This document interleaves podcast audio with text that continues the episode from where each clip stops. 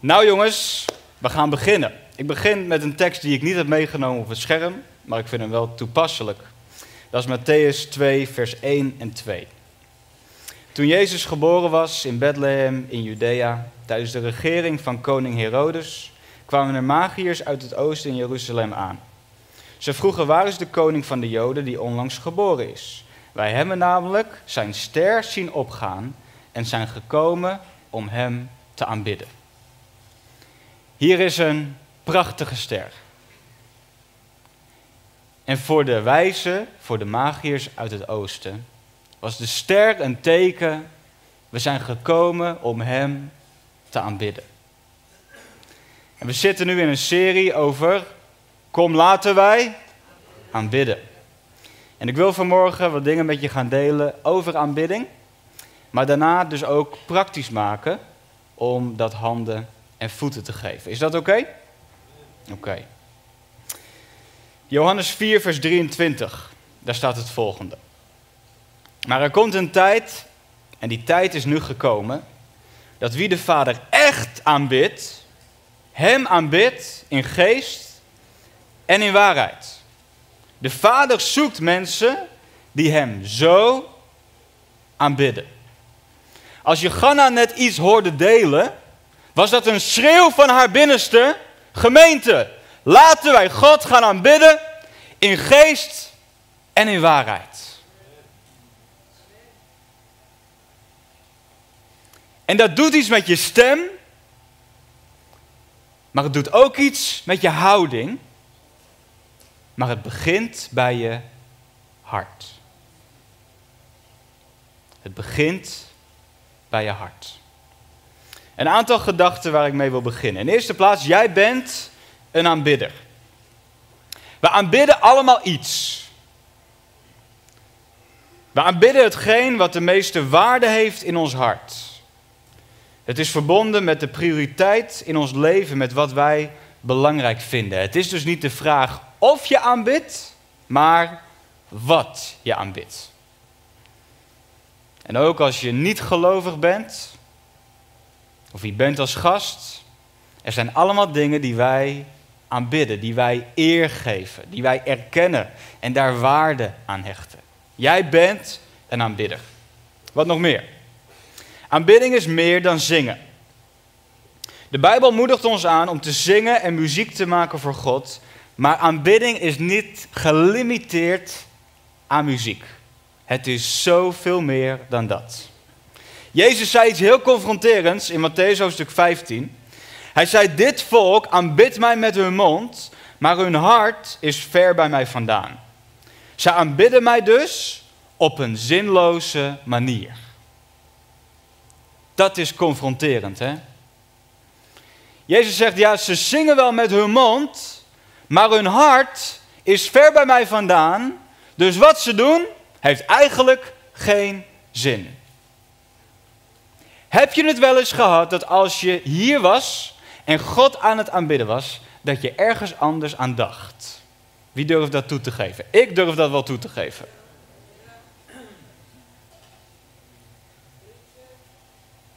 We zijn hier om God te aanbidden en we zingen, maar mijn gedachten zijn heel ergens anders. Mijn hart is heel ergens anders. Aanbidding kan daarom dus niet alleen zingen zijn, want als het alleen zingen was, terwijl je hart er niet is, het is een mismatch, een mismatch. Je hart moet op de goede plek zijn, een hart die je naar verlangt om God groot te maken. Wat nog meer? Aanbid God alleen. Er kunnen zoveel dingen of personen zijn die wij aanbidden, maar de Bijbel draagt ons op in Exodus 20. U mag geen andere goden aanbidden dan mij. God zegt, aanbid niemand anders dan mij alleen. Dus jij bent een aanbidder. Aanbidder is meer dan zingen en aanbid God alleen. Nou, wat is de definitie van aanbidding? Als je die vraag zou moeten beantwoorden. Wat is aanbidding? Hoe zou je dat moeten formeren, formuleren? Ik heb het zo opgeschreven. Aanbidding is de uiting van liefde als we God ontmoeten. Aanbidding is de uiting van liefde als we God ontmoeten. Wij hebben een keuze om God te aanbidden of om God niet te aanbidden. Wij hebben een keuze om naar God toe te gaan of om niet naar God toe te gaan. Jij hebt een keuze om hier naar de dienst te komen of om niet naar de dienst te komen. Met andere woorden, er ligt een heel groot deel van het initiatief bij jou om je te richten op God en om naar God toe te gaan. En aanbidding is de uiting van jou naar God toe, met hoeveel je van Hem houdt, met hoe dankbaar jij voor Hem bent. Het is liefde wat geuit wordt naar God toe. Matthäus 22, daar zegt Jezus: Heb de Heer uw God lief met heel uw hart en met heel uw ziel en met heel uw verstand. Dat is het grootste en het eerste gebod. Beste mensen, je kan God alleen aanbidden en liefhebben met een hart wat volledig uitgaat naar Hem. En dat kan ook als je een nieuw hart hebt ontvangen. Je kan God namelijk niet aanbidden met je hele hart als je nog geen nieuw hart van God hebt ontvangen. Heb je ooit een persoon gezien die God aan het aanbidden was, maar niet bekeerd was? Misschien heb je wel iemand zien zingen in een dienst, maar heb je ooit iemand vol overgave en passie en lof God zien aanbidden met een oud hart en een oud leven? Nee, dat kan namelijk niet. Het kan alleen door het nieuwe hart wat je ontvangen hebt, wat uitgaat naar alle lof en eer naar God toe.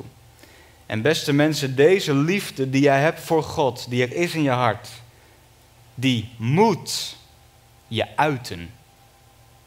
Zij die moet? Oh, Nederlanders hebben zo'n hekel aan het woord moet. Ik moet niks. Zelfs als je iets goed zegt wat je moet doen, zeggen mensen: Oh nee, dat ga ik echt niet doen. Je moet een dag vrij nemen. Oh, jij zegt niet wat ik moet doen.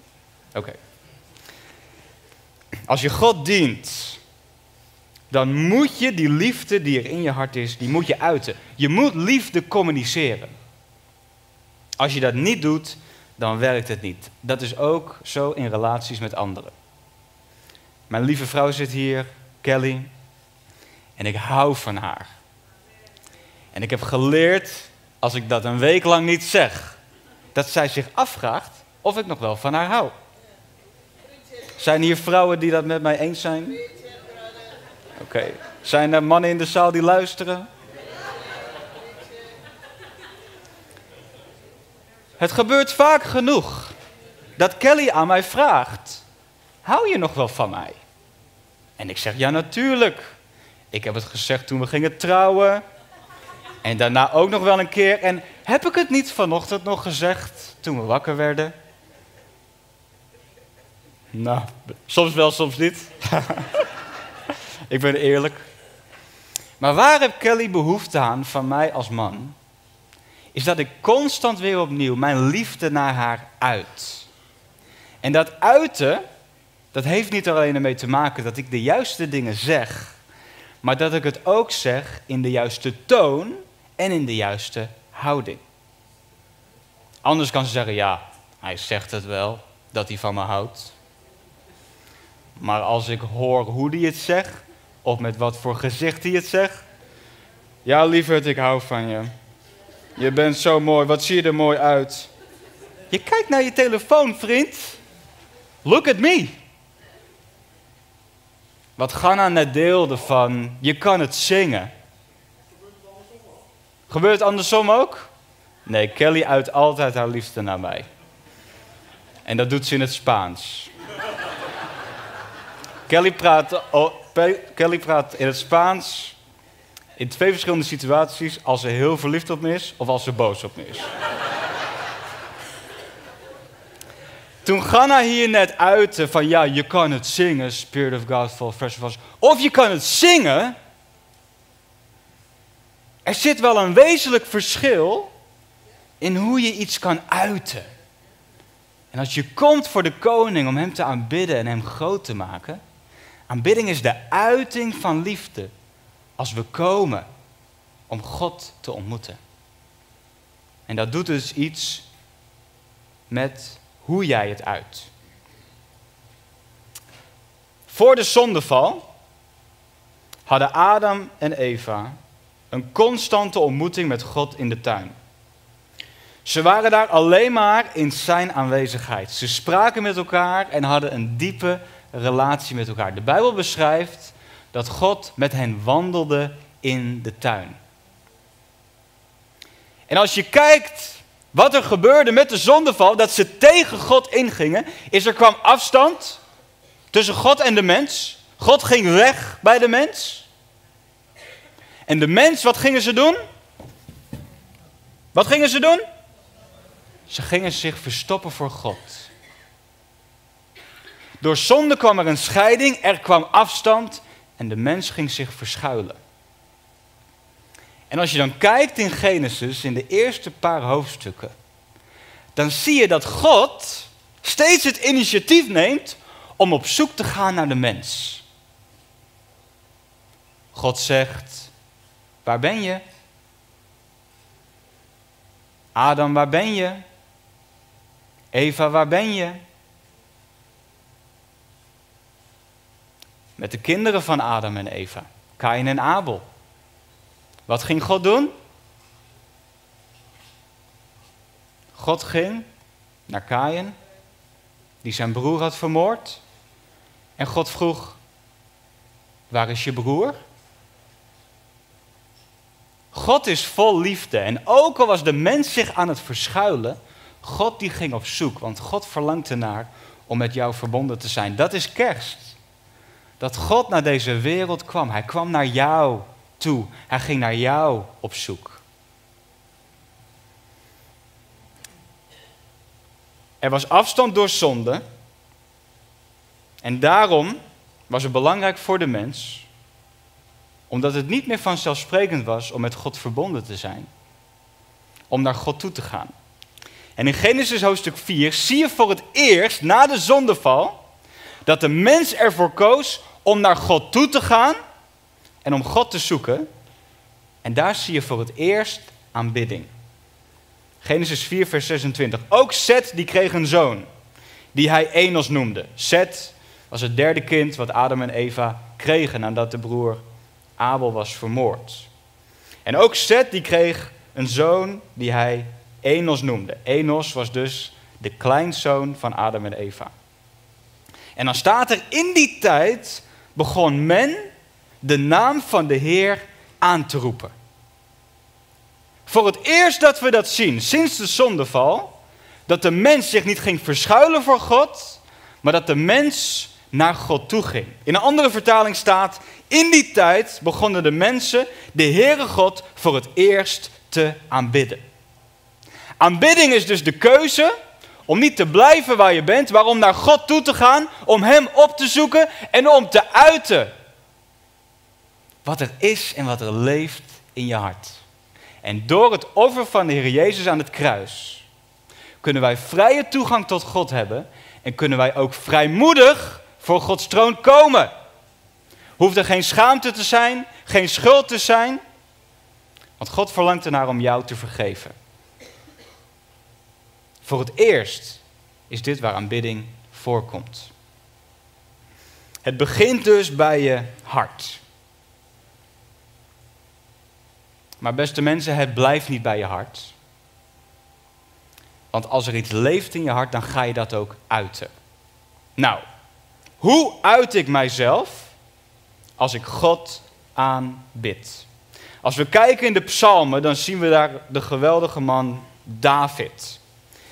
En David die wordt beschreven als een man naar Gods hart en die beschrijft vele verschillende uitingen van zijn hart waarin hij laat zien wat er van binnen leeft. En ik, ik mag in verschillende kerken mag ik spreken en het zijn vaak ook verschillende uh, soorten uh, stromingen of denominaties. En soms heb ik er wel eens moeite mee om overtuigd te zijn dat waar ik kom, dat die mensen ook echt wel van de Heer Jezus houden. Want soms kom ik op plekken waarin het meer voelt als een begrafenis dan als een opstandingsdienst. Weet u, weet u wat ik bedoel? En dan zit ik daar zo op de eerste rij en dan zie ik allemaal mensen zo God aanbidden.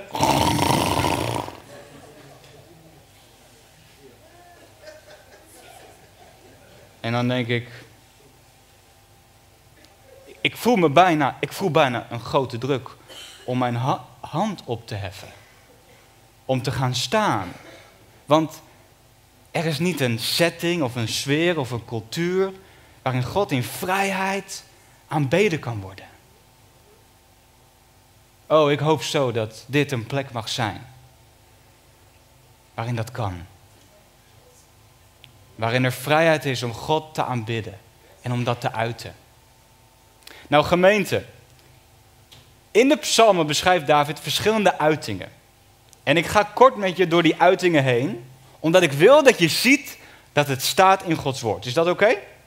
Er zijn drie verschillende gebieden waarin aanbidding geuit kan worden. In eerste plaats is het je stem, tweede plaats je houding en derde plaats je handen. We gaan er even snel doorheen. Eerste is je stem. Er zijn drie verschillende vormen waarin de Bijbel beschrijft dat je met je stem de Heer kan aanbidden. In eerste plaats is het spreken. Psalm 34, vers 1. De Heer wil ik prijzen. Elk uur van de dag. Mijn mond is altijd vol van zijn lof. Dus niet van klagen en zeuren en negatief doen en roddelen. Nee, nee. Mijn mond is vol van lof om de Heer te prijzen door mijn spreken. Kunnen we even allemaal spreken? Zeg even amen. amen. Zeg even halleluja. halleluja. Zeg even preach it brother.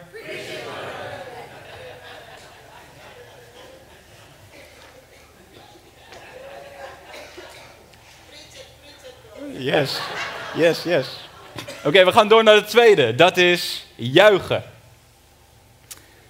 Laten zijn getrouwen juichen in luister. Nog jubelen als zij te rusten gaan. Met andere woorden, het is oké om te juichen in de kerk in een vorm van aanbidding voor God. Shalom, kunnen we juichen? Als je kijkt in het verhaal van Jericho, toen ze de stad in gingen nemen, wat gebeurde daar? Het was niet het leger wat voorop ging. Telkens als je kijkt in het Oude Testament. Het is niet het leger wat voorop ging. Het waren de aanbidders die voorop gingen. Waarom? Er is kracht als we samen de Heer gaan prijzen. En ze gingen om de stad lopen, een aantal dagen lang. En op de laatste dag, wat gebeurde er dan? Ze gingen. Wat gingen ze doen? Jozua 6, vers 20, volgende slide. Toen de ramshoorn schalde, brak het volk uit in een donderend geschreeuw. De muur stortte in en iedereen klom de stad binnen vanaf de plaats waar hij zich bevond en ze namen de stad in. Het woord van God zegt dat het volk van God uitbrak in een donderend geschreeuw. Nou, dat klinkt niet heel eerbiedig voor onze samenkomsten. Dus laten we maar niet te gek doen. We zijn desnoods Noord-Hollanders, dus we gaan het een beetje kalm houden. Vanochtend niet. Want het volk van God, wat was er? Donderend geschreeuw. Hoe zal dat klinken? Ik weet het niet. Maar zullen wij eens proberen om op zijn Noord-Hollands te juichen? Met een beetje passie? Oké? Shalom, kunnen we juichen? Come on, kunnen we juichen? Dus als we dan de volgende keer zingen, ik wil juichen voor u, mijn Heer. Ja, en hoe, hoe gaat het vaak? Dan moet er even één juichen. Oké? Doe jij even, Irene. Nee, wacht, wacht. Wacht, wacht. Ik wil juichen voor u, mijn Heer. Dat is vaak hoe het gaat. Maar de volgende keer als we het zingen, dan doen we... Ik wil juichen voor u, mijn Heer. Precies. En daar heb je geen hype voor nodig of dingen opbouwen, want het is heel bijbels om te juichen. Ja, toch? We hebben het net gezien. Laten we daarom juichen voor de Heer. Waarom? Ach, we hebben zo'n liefde in ons hart. En we willen God gaan aanbidden en gaan prijzen. Oké, volgende. Zingen. Zing voor God, zing een lied, zing voor de koning, zing hem een lied. God is koning van heel de aarde, zing een feestelijk lied. Nou, daar staat vaak genoeg zing in om jou te overtuigen in één vers. Dat we God aanbidden door onze liederen. Amen? Amen. Dat is met onze stem. Dan gaan we door naar de volgende categorie. En dat is onze houding. Onze houding. Gods woord draagt ons op om te buigen en om te knielen. Ga binnen, laten wij buigen in aanbidding. Knielen voor de Heer, onze Maker. En buigen en knielen is een vorm van eerbied en respect, maar ook van overgave. Als er een strijd is en je verliest die strijd, wat doe je dan? Ik geef me over. Ik erken, ik ga dit niet winnen. Ik ga dit niet in mijn eentje kunnen. Ik geef mij over.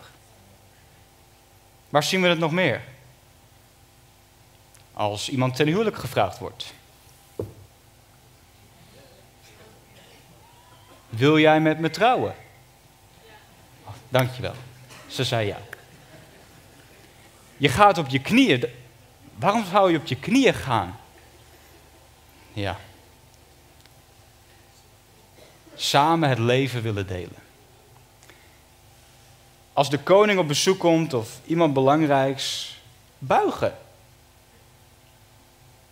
We doen het in onze cultuur, laten wij het dan ook doen in de kerk.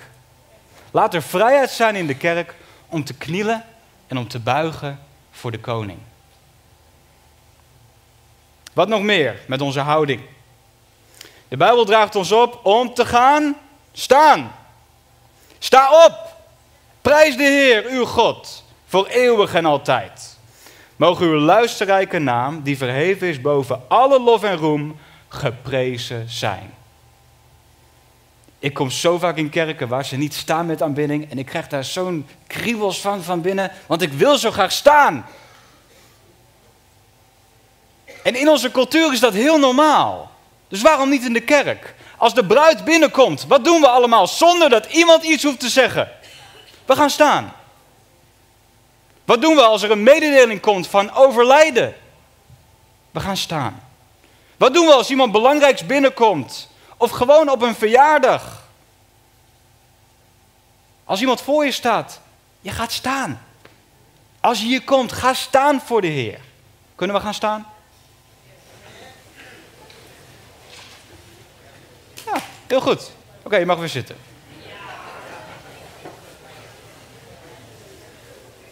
Wat nog meer wat betreft onze houding? Dansen. Yes. Laten zij dansend zijn naam loven. Bij lier en tamboerijn voor hem zingen. Beste mensen, het is oké om te dansen voor de Heer. Nou, de wereld kent ook dansen, zoals wereld al deze vormen kent. En dan gaan we weer terug naar je hart. Het begint namelijk bij je hart. Je kan op een verkeerde manier dansen, op een manier die onerbiedig is, op een manier die verkeerd is, op een manier die God niet alle lof en eer geeft, maar juist anderen. Aandacht vragen van anderen, aandacht trekken van anderen. Ik stond hier vanochtend voor en ik heb het wel vaker gedaan. Denk je dat ik daarvan hou? Ik kan helemaal niet dansen. Dat hebben jullie vast al gezien. Ik heb helemaal geen goed ritme. En bij de jeugd ook. We, gaan, we gaan voor in, in dansen om bepaalde dingen te uiten. Waarom? Waarom doe ik dat als, als jeugdvoorganger? Ik, ik lijk soms wel een clown. Ik voel me soms een clown. Ik doe het omdat ik iets wil zien in die groep. Dat ze mogen weten dat ze voor God enthousiast mogen zijn en dat mogen uiten. En als ik kijk in de jeugdgroep, ik zie dat ze enthousiast zijn. Ze staan hiervoor, ze knielen, ze hebben hun handen op, ze dansen. Laat er vrijheid zijn in het huis van de Heer. Het is oké om een beetje te bewegen.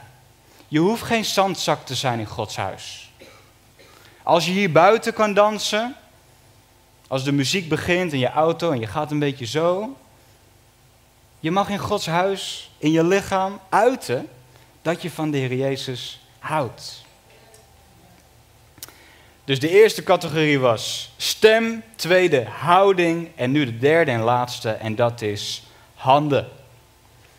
In eerste plaats kunnen wij door instrumenten met onze handen God aanbidden. En dat is heel vaak hoe we dat zien.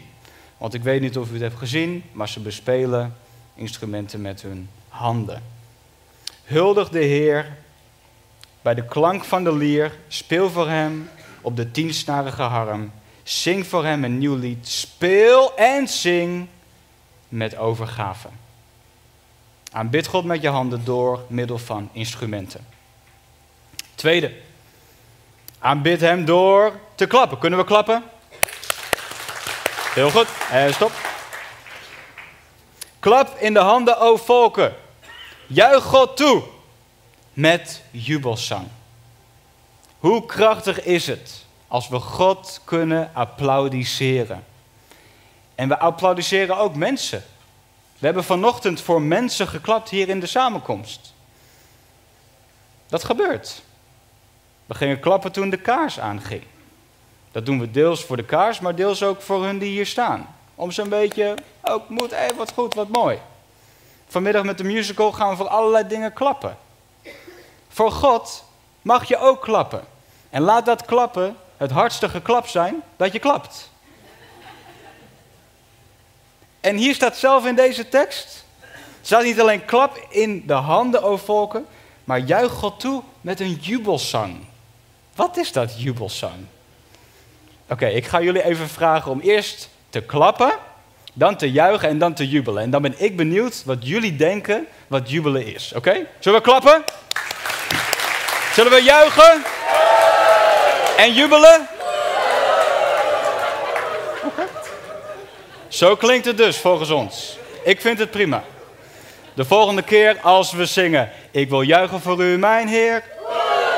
En dan later, en ik wil jubelen voor u, Heer. Oké, prima. Prima. En dan als laatste onze handen opheffen. U wil ik prijzen, mijn leven lang, roepend uw naam, de handen geheven. De hand. Kunnen we onze handen opsteken? Ja. ja. Dankjewel. Ik wil de band vragen om naar voren te komen. Onze handen opheffen naar de Heer is ook een uiting van zoveel verschillende dingen. Levi, onze zoon, die is vandaag vijf maanden. Hij heeft hier van de week in de kribbe gelegen. En ja, hij doet nu zijn handen en zijn voeten de lucht in. Hij weet denk nog niet heel goed uh, wat het allemaal is. Maar als een kind verlangt naar zijn vader of iets nodig heeft van zijn moeder, vaak moeder, het is een handen opheffen. Een handen opheffen. Zelfs bij sportwedstrijden. Als, als iemand een geweldig doelpunt maakt of scoort of wat dan ook. Er is een bepaalde uiting, zelfs met de handen, van wow, wat geweldig, wat goed gedaan. Als wij ook praten met onze handen, en ik doe het nu een beetje, en we vertellen over iets geweldigs, over iets groots, dan uit je dat ook met je handen. En in de gemeente mogen wij onze handen opheffen. Nou, we gaan straks een tijd in, sorry, van aanbidding. En ik ga jullie vragen om straks uit de rijen te komen, weg te komen van je plek, van het balkon. En kom hier lekker voor, in de gangpaden daarachter. We hebben veel ruimte. Om de tijd nemen om God te aanbidden. En ik hoop, nu je deze verschillende dingen hebt gezien, deze verschillende uitingen van aanbidding, dat je mag weten dat het bijbels is om te doen maar ook dat er vrijheid mag zijn in het huis van God. En ik wil je vragen dat als je moeite hebt om dat te uiten vanwege schaamte, dat je denkt van, oh, maar er zijn zoveel mensen die naar mij kijken. En ik vind het moeilijk om eigenlijk mijn handen op te heffen terwijl ik dat eigenlijk wel wil en naar verlang. Of ik voel eigenlijk in mijn hart, ik wil knielen, maar wat gaat die persoon van me denken? Doe wat je ervaart in je hart om die aanbidding, die uiting van liefde ook echt te uiten.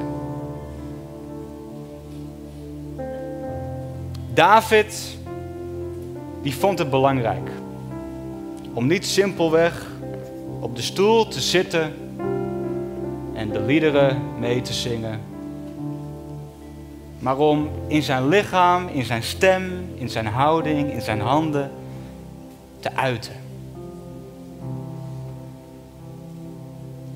En dat is niet alleen nu, hè. Het is elke keer als jij hier komt.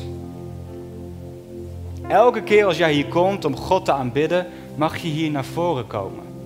Je mag hier knielen. Je mag staan met je handen geheven. Je mag hier knielend komen. Laat er vrijheid zijn in het huis van de Heer.